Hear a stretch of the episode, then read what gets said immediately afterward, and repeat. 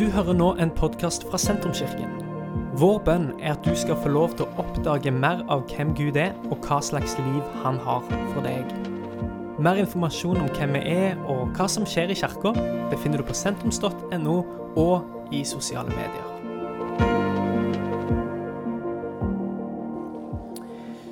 Du, det skal handle i dag om å tjene seg stor, ikke å tjene seg rik.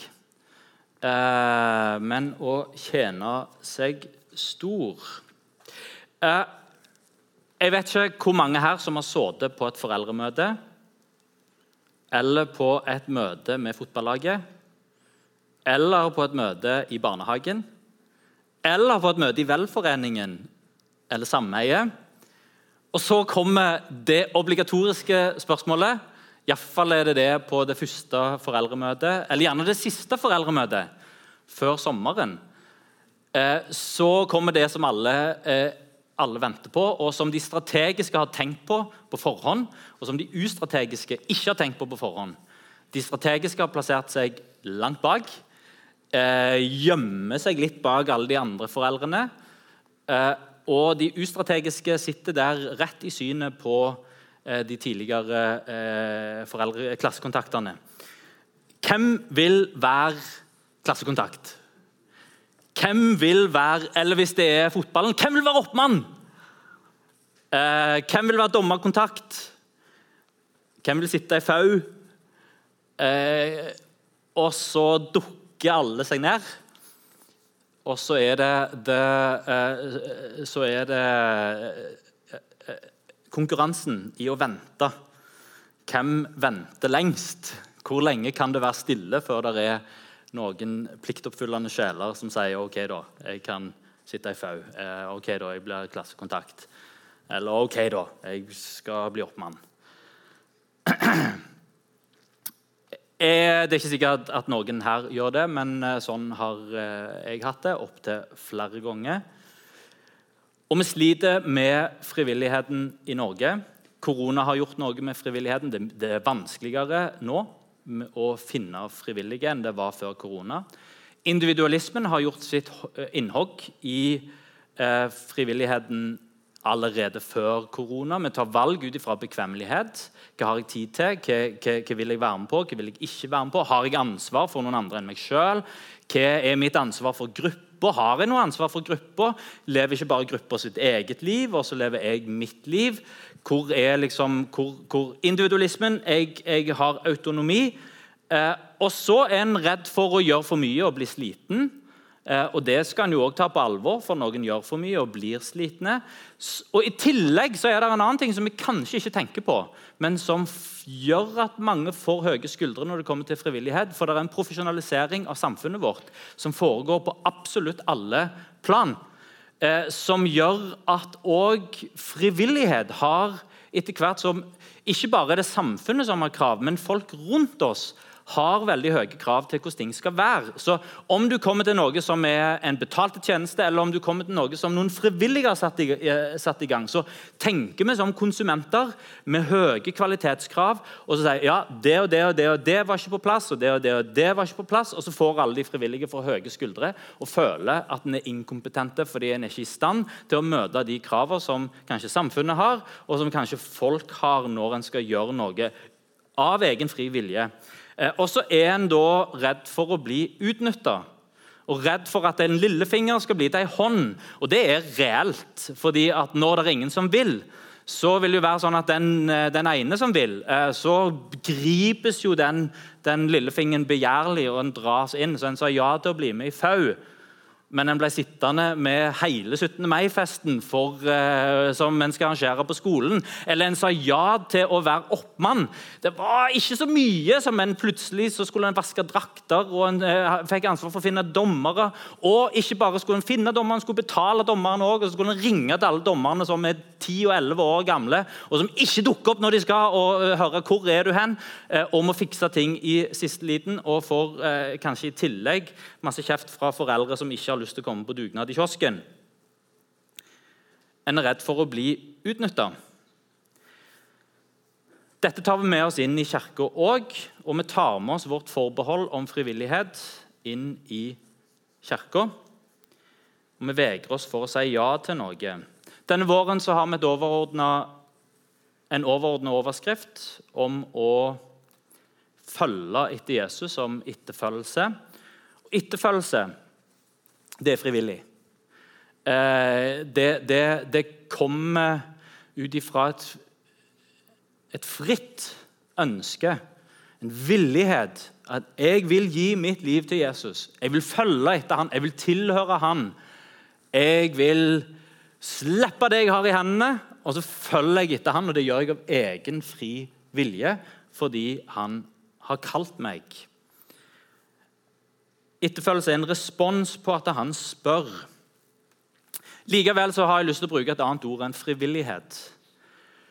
For ordet frivillighet, fri og villig, det er et bra ord, men samtidig så er det ja, jeg er fri og jeg er villig. Nei, jeg vet ikke om jeg er så villig akkurat nå, og jeg vet ikke om jeg er så fri, så da lar jeg være. Mens det ordet som Jesus bruker i sine lignelser, og når han underviser om Guds rike, så, om, så sier han faktisk ikke at eh, Guds rike er eh, som en gjeng med frivillige. Eh, som, som, frivillig gir eh, av sin tid, og som gjør noe sammen. Men han bruker ofte ordet tjener og å tjene. Det er billedbruken som Jesus bruker for de som følger etter han. Det er billedbruken som Jesus bruker for hvordan vi forholder oss til Gud som tjener. Jeg vet at Jesus sier til sine disipler nå er dere ikke bare mine tjenere, men dere er mine venner. Jeg vet at Gud sier til Abraham at, eh, om Abraham at han var Guds venn. Men det ordet 'tjener' ligger der som et utgangspunkt for det vennskapet med Gud. For, det, for å kjenne Gud på den måten, det er at en er en tjener. Det er òg billedbruken som Jesus bruker på hvordan vi forholder oss til hverandre i hans rike. Og Det ligger mer bak det å være en tjener enn å være en frivillig. Eh, og vi skal, vi skal lese en bibeltekst fra Matteus 20, vers 20-28. Eh, før vi leser den, så skal vi, eh, ja, før vi leser den, så skal vi se en introduksjonsvideo til denne delen av Matteus. Bare sånn for oss å gi oss litt sånn bakbilde, eh, bakgrunnsinformasjon for denne teksten. Den neste delen, kapittel 14-20, handler om alle de ulike forventningene folk har til Messias. Jesus fortsetter å helbrede de syke, og to ganger skaffer han til og med mat på mirakuløst vis til store folkemengder som har fulgt han ut i ørkenen. Den ene folkemengden består av jøder, og den andre av ikke-jøder. Dette tegnet ligner veldig på det Moses gjorde for Israel i ødemarken. Så alle er skikkelig begeistra for Jesus. De tenker at han må være den store profeten og Messias, men ikke de religiøse lederne. De forventer en seierrik Messias som skal slå hedningene og sette Israel fri, slik Salme 2 og Daniel 2 beskriver ham. I deres øyne er Jesus en falsk lærer som spotter Gud gjennom det han påstår om seg selv. Så her finner vi historier om at motstanden mot Jesus øker. De klekker ut en plan om å drepe ham. Som svar på dette trekker Jesus seg tilbake og begynner å undervise de nærmeste disiplene sine om hva han mener når han kaller seg Israels Messias. For det er ikke det folk forventer. Jesus spør disiplene sine i kapittel 16.: Hvem sier dere at jeg er? Og det ser ut som at Peter kommer med det riktige svaret. Han sier, jo, du er Messias, sønn av den levende Gud. Men det er tydelig at Peter ser for seg en seirende konge som regjerer med militær makt. Så Jesus utfordrer Peter og sier, ja, jeg skal bli konge, men på en annen måte. Han begynner å undervise om temaet fra profeten Jesaja, som sa at kongen, Messias, skulle lide og dø for syndene til folket sitt. Så Jesus framstilte seg selv som Messias, en konge som regjerer ved å bli en tjener, og som ofrer sitt eget liv for Israel og alle folkeslag. Peter og disiplene henger ikke helt med. Så Jesus begynner den fjerde bolken med undervisning, som følges av enda mer undervisning. Den handler om hvordan dette Messias-riket til Jesus er helt opp ned og snur våre verdisystemer på hodet. I fellesskapet til denne tjenerkongen vinner du ære ved å tjene andre. Og heller enn å hevne deg, tilgir du og gjør godt mot fiendene dine. Og i Jesu rike vinner du sann rikdom ved å gi bort rikdommen din til de fattige. For å følge den tjenende Messias må du selv bli en tjener. Her er introduksjonen fram mot denne teksten som vi skal lese, som er fra Matteus 20 der eh, Jesus snur opp ned på de forventningene som disiplene har om hva det vil si å være stor, eh, og hva, forventer, hva de forventer av, eh, av, Frelseren. Og til syvende og sist hva de òg forventer av livet. og vi skal lese fra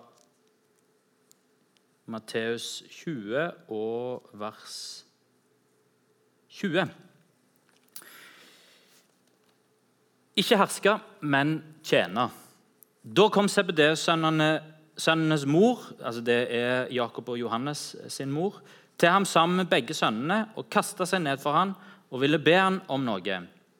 Hva er det du ønsker? spurte han. Hun svarte, og det er jo sånn som alle mødre vil. En vil eh, snakke for sine barn og for sine sønner og vil at det skal gå de, gå de vel. Si at disse to sønnene mine skal få sitte ved siden av deg i ditt rike, den ene på høyre og den andre på venstre side. Jesus sa, dere vet ikke hva dere ber om. Kan dere drikke det begeret jeg skal drikke? Eh, og faktisk Når Jesus snakker om det å drikke det begeret som jeg skal drikke, så snakker han om sin lidelse. Og det som ligger, lidelse og død, og det som ligger foran. Eh, det kan vi, svarte de. Han sa, 'Mitt beger skal dere drikke, men hvem som skal sitte ved min høyre eller venstre side, det er det ikke min sak å avgjøre.' Dok, eh, der skal de, som, de sitte som min far har gjort i stand for. Da de ti andre hørte dette, ble de sinte på de to brødrene. Men Jesus kalte de til seg og sa.: Dere vet at folkenes fyrste de undertrykker de, og stormennene deres eh, styrer med hard hånd. Slik skal det ikke være blant dere. Den som vil bli stor blant dere, skal være tjeneren deres, og den som vil være først blant dere, skal være slaven deres. Sånn er heller ikke menneskesønnen kommet for å la seg tjene, men for sjøl å tjene og gi sitt liv som løsepenge for mange. Jesus refser faktisk ikke de to brødrene som har lyst til å sitte ved høyre og venstre hånd, så, og som på en måte ville ha en posisjon i hans rike. Eh, det, det, var det de andre disiplene som gjorde, og dere søker å sitte der med Jesus eh, sin høyre og venstre hånd. Eh, det som Jesus gjør, er å ta tak i forventningen til hvordan dette skal se ut. Og hvor storhet, hva storhet egentlig handler om. Jeg tror de fleste mennesker handler om å være Om ikke store, så, han, så drømmer en kanskje om å være populære. Eh, være godt likt. Være noe i øynene til andre. Det betyr jo noe for oss. Det er en grunn for at når naboen eh, gjør det fint, eh, får opp et fint gjerde så, oh, ja, det, Plutselig ser ikke hagen min så fin ut. Jeg har også lyst på det gjerdet. Jeg har lyst til at folk skal tenke godt om meg. Og eh, jeg har lyst til at folk skal se vel på meg. En ønsker å bli sett på som kompetente, som morsomme, som sosiale. Vær sånne mennesker som andre kan se opp til, eller som andre iallfall kan like. Eh, og jeg tror at alle jeg tror at alle mennesker kan være sånne personer som andre ser opp til. Det er egentlig det som Jesus snakker om i denne teksten. Det går an for alle å bli stor. Og i Guds rike så er det en måte som vi kan bli stor på. Og Det er det denne teksten svarer på. Hvordan kan jeg bli stor? Jesus begynner med det som er naturlig. Naturen lærer oss at Eh, den sterkeste er den som er den store. Den sterkestes rett. Eh, det er den sterke og den veltilpassa som overlever. Eh, og som mennesker så søker vi oss oppover på arbeidsplassen. Det er den sterkeste som overlever på arbeidsplassen, og som albuer seg fram, og som posisjonerer seg sjøl foran sjefen. Og det har vi i samfunnet. Eh, vi har det i nabolaget, eh, og vi har sånn her opp, Vi klatrer via opplevelser og status osv. Det gjelder òg relasjonelt.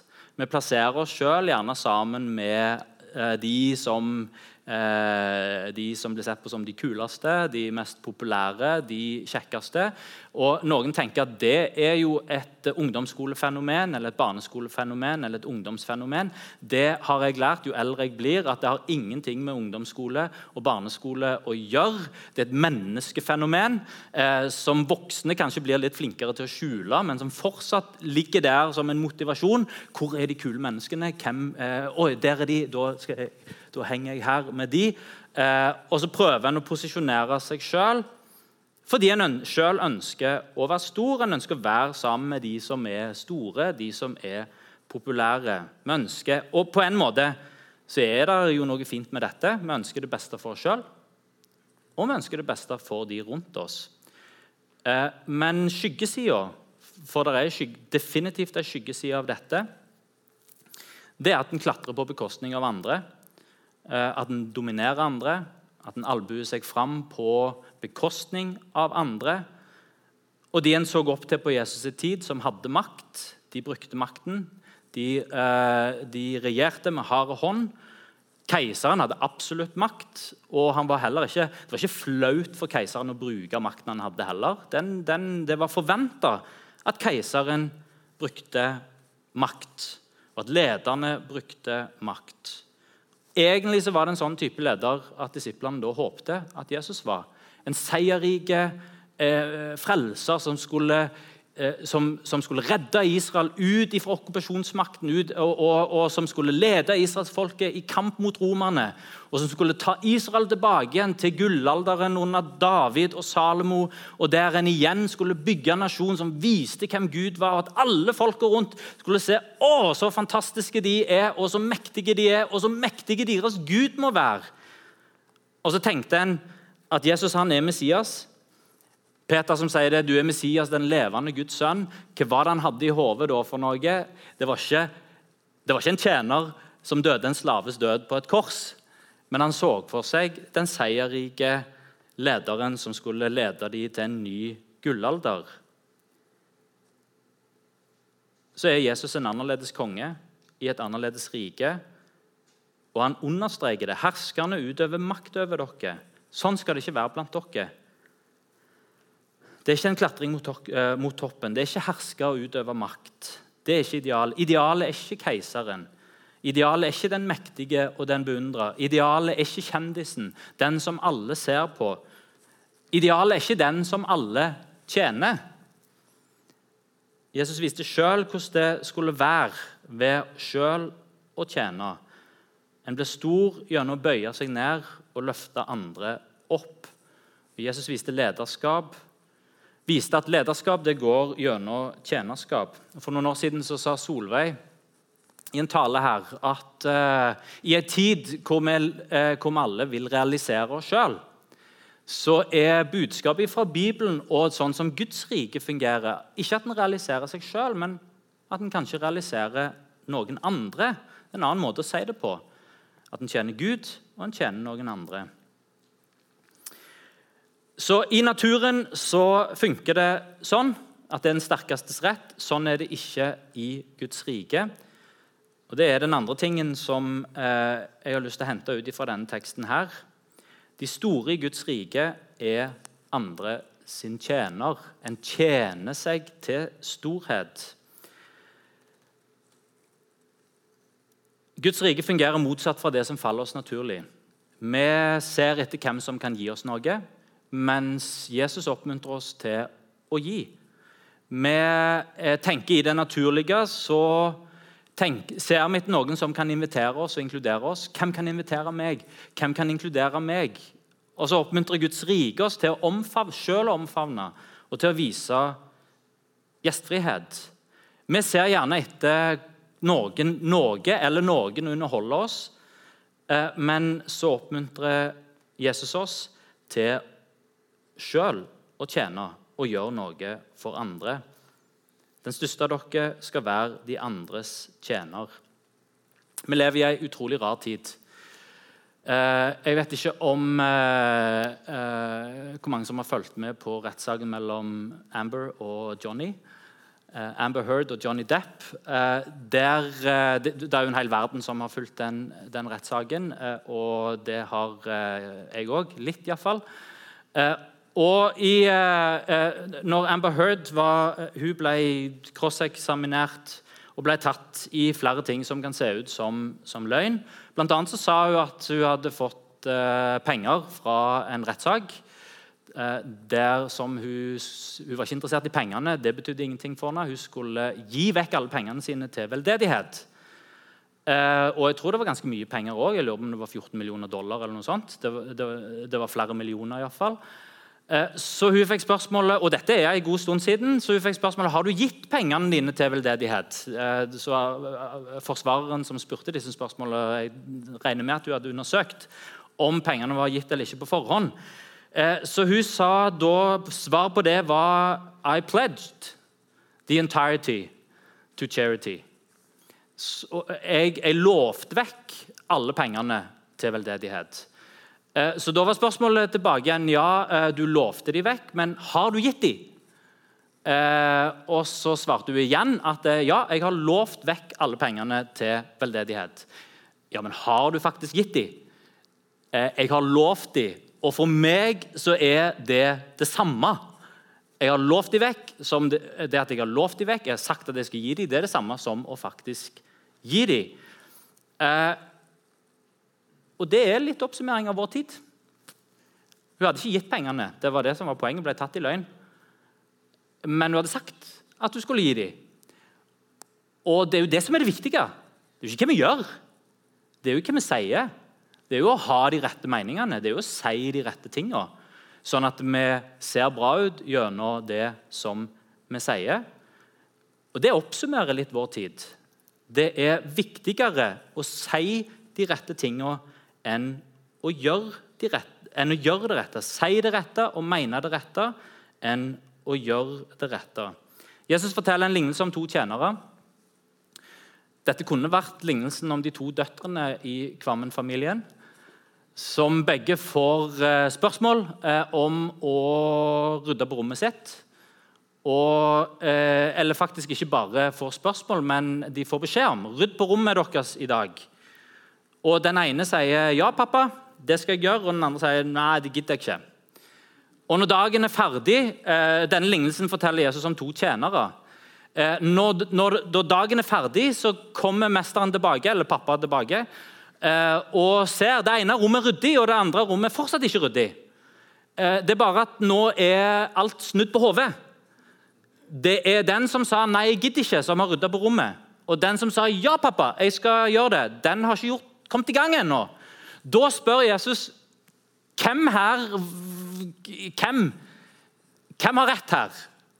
Hvem har på en måte handla etter mesterens vilje, pappas vilje? Og Disiplene svarer jo ja, men det er jo, den, det er jo ikke den som sa det rette, men den som gjorde det rette. Og Jeg lurer på om at vi trenger å være mindre opptatt av å si det rette og mer opptatt av å gjøre det rette. Hva er denne koblingen mellom frivillig tjeneste og det å være tjener? Hva betyr det at jeg er en tjener i møte med fotballag, korps, idrettslag, skoleklasse, sameie, velforening osv.? Har jeg en forpliktelse til å være frivillig? Er det å følge Jesus en ferdig signerte kontrakt der jeg har skrevet unna, og så er det noen andre som kommer fulle ut? og så, ja, ok, Da gjør jeg det. Eh, kanskje er svaret på det litt oftere enn vi liker ja. At vi og jeg av bekvemmelighet skygger unna muligheten for å tjene og bety noe for andre. Hvordan kan jeg si det? Dette er ikke, sånn, dette er ikke på reiven eller Det er Per Eivind som sier det, men jeg mener å ha, eh, ha grunnlag i uh, Bibelen for det. I Bergpreken sier Jesus noe om hvordan det kan se ut idealistisk. Hvis det er noen som spør deg om å gå en mil, ja, da går du en mil med dem, og så går du en til. Hvis noen sier 'gi meg kappen din', ja, men så gir du kappen din. Og så gir du òg kjortelen. Gi til de som spør deg. Gå den lille, og Det har jo til og med blitt et uttrykk å gå ei ekstra mil. Men kanskje mer enn at en er frivillig på alle ting. For det er klart En må jo også sette grenser for seg sjøl. Så handler dette først og fremst om en innstilling. Rasmus Nordbø fra Jørpeland er en dyktig bedriftsleder og menighetsleder. Sist gang jeg sjekket, så tror jeg han hadde 37 ulike næringsroller og eh, han er travel det meste av dagen. Har utrolig respekt for Rasmus. Jeg vet han hører på podkasten vår av og til. så hvis du hører på Rasmus, fy søren, du er en god mann. Og det er en ting som slår meg med Rasmus, det er at han ikke oppfører seg som storkar. Selv om han faktisk kan være det. med utgangspunkt i sin posisjon og sine posisjoner så kan han være storkar og komme inn i et møte og komme inn i en forsamling å ha en holdning av 'tjen meg', 'se meg'. Men det er det motsatte som preger Rasmus når han kommer inn i en forsamling. Det er han som alltid hvis du sitter i et møte med Rasmus, så er det, han, det er ikke nødvendigvis han som har arrangerer møtet, men det er han som tar kaffekoppen og som går rundt og skjenker eh, og, det, og rydder chattene etterpå og har en holdning av å være tjener. Jeg var og talte på et ungdomsmøte i Jørpeland for noen år siden. Eh, og Hvem var det som sto i kafeen på det ungdomsmøtet? Det, det, var jo, det, var, det, var Rasmus som sto i kafeen. Solgte pølser og telte. fortsatt så var, det, eh, så var der kronestykker og 50-lapper på det tidspunktet. Var, det var, ikke kort, så han drev og telte på pengene òg. Og så spurte jeg du, hva, hva, hva gjør at en mann som deg, med, med så mange ulike næringsroller og med så viktige posisjoner i samfunnet, at du er her på en fredagskveld og står i kiosken? og Da smilte han og så sa du, det er jo det er jo dette som er meningsfullt. Vær her og skape dette miljøet. Og så talte han videre over pengene, og så er det jo butikk òg. Vi kan ta med oss den holdningen inn i ekteskapet. Vi kan ta med oss den holdningen til ungene, på arbeidsplassen, inn i vennegjengen, overfor naboen. Eh, det er by the way, det er naboen min som er den kristne. Tomek. Det er han som har den kristne karakteren av oss to. Han klipper plenen sin, og hver gang han går og klipper sin plen, så svinger han innom og klipper vår òg. Eh, og det er, det er, sjelden at en får liksom muligheten til å eh, gi tilbake. Og det er jo en fantastisk måte å kunne å leve livet sitt på, og en fantastisk måte å skape naboskap og gjøre noe, tjene hverandre. Det å tjene i kirka gjør noe med deg. For det vi gjør i kirka, det tar vi med oss inn i hverdagen. Å gi tiende det hjelper oss til å være sjenerøse på andre arenaer òg. Det å be når vi ber sammen i kirka, det kan vi ta med oss inn i hver Egentlig er det meningen at det alle de tingene som vi gjør på en gudstjeneste, tilbedelse, bønn, takknemlighet Vi bærer det med oss videre inn i uka. Og det å tjene på gudstjenesten, ja, men det er en tjeneste som en holdning som en kan ta med seg inn i, inn i livet.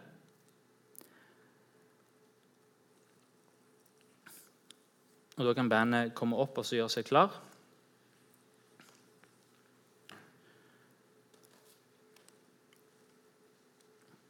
En blir stor gjennom å tjene. Men jeg tjener først og fremst fordi jeg følger en tjener. Det er viktig å si. For den som tjener på alle arenaer, så er ikke det å tjene Jesus det er ikke, det er ikke en 100% overgivelse til en organisasjon. Det å tjene Jesus og følge etter ham, det er en 100% overgivelse til Jesus. Og til å følge han først og fremst. Og Så får det konsekvenser for alle områder av livet vårt. Det, det, det, er viktig å få med seg. Skal, eh, de to tingene der er ikke, ikke sånn. Jeg tjener fordi jeg følger en tjener. Hvis du følger en snekker og går i lære, så blir du etter hvert en snekker. Hvis du lærer av Jesus, så blir du etter hvert en tjener. Kan jeg følge Jesus og gå min egen vei? Kan jeg følge Jesus og gjøre dette på min egen måte? Ja, men er, Hvis en er en disippel av Jesus, så lærer en Jesus sin måte. Og Følger du etter Jesus, så blir du en tjener. For Jesus sier om seg sjøl at menneskesønnen ikke kom for å la seg tjene, men for sjøl å tjene og gi sitt liv som løsepenge for mange. Jeg tjener ikke fordi jeg må. Jeg tjener ikke fordi det er et behov. Jeg tjener ikke fordi at eh, hvis jeg ikke gjør dette, så detter alltid sammen. Det er ikke en dugnad der alle er med og bidrar med sitt. Jeg leser ikke Bibelen fordi jeg må. Jeg gir ikke fordi jeg må. Jeg tilgir ikke fordi jeg må. En elsker heller ikke fordi jeg må jo elske, eller er gjestfri fordi jeg må være gjestfri. Det er en annen motivasjon som stikker mye dypere. Og Det er ikke følelse, og det er jo her vi lures i vår tid. Fordi vi tenker jeg gir fordi jeg føler meg sjenerøs. Å, nå følte jeg meg sjenerøs. Nå, nå, nå, gir jeg. Eller Jeg tilgir fordi jeg føler meg så nådefull. Å, jeg er så nådefull. Jeg føler så mye nåde mot den personen, så, så jeg tilgir. Eller å, nå føler jeg meg så gjestfri, så jeg inviterer noen. Eller jeg elsker fordi jeg føler så mye kjærlighet. Å leve etter følelser er en veldig dårlig idé. Det vil forråde deg, følelsene vil forråde deg. Vi elsker, vi gir, vi tilgir og er gjestfri på tross av følelsene våre. Hva er motivasjonen da? Jeg gir fordi jeg har blitt gitt. Jeg viser gjestfrihet fordi jeg har blitt invitert inn. Jeg tilgir fordi han har tilgitt meg. Og jeg tjener fordi han har bøyd seg ned og tjent meg. Jeg tjener fordi jeg er en tjener. Jeg Tjener fordi jeg har blitt tjent.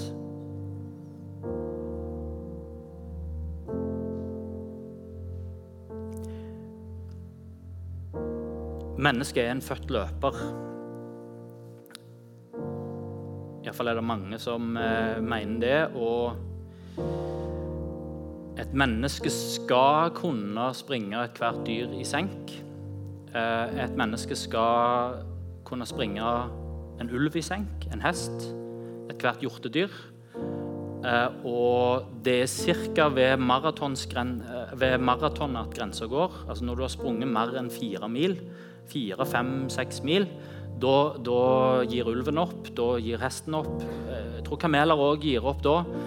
Hjort gir opp. Det er fortsatt jegere som jakter hjortedyr med spyd.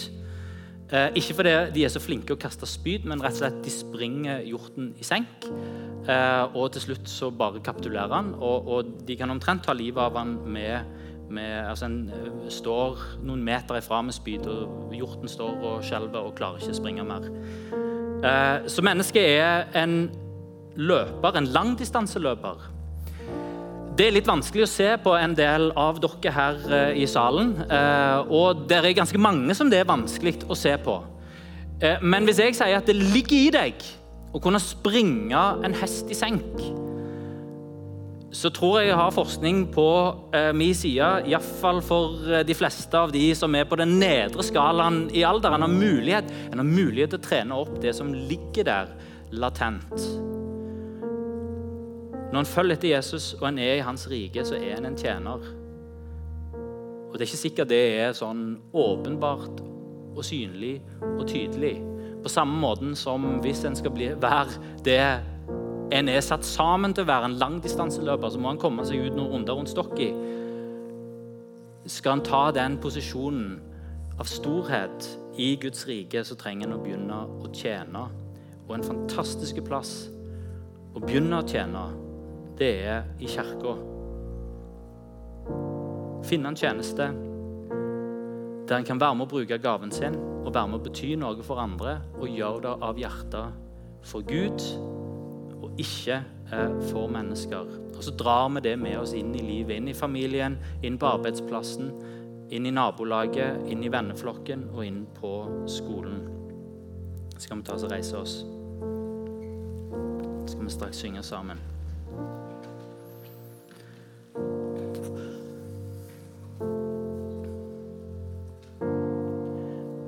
Takk, Herre Jesus, at du er her. Takk at du har vist et annet eksempel. Takk, Herre Jesus, at du bøyde deg ned for å løfte oss opp, Herre. Takk at du har bøyd deg ned for å tjene hver enkelt en av oss. Takk for uh, ditt offer, Herre. Takk for din død på korset. Takk for din oppstandelse.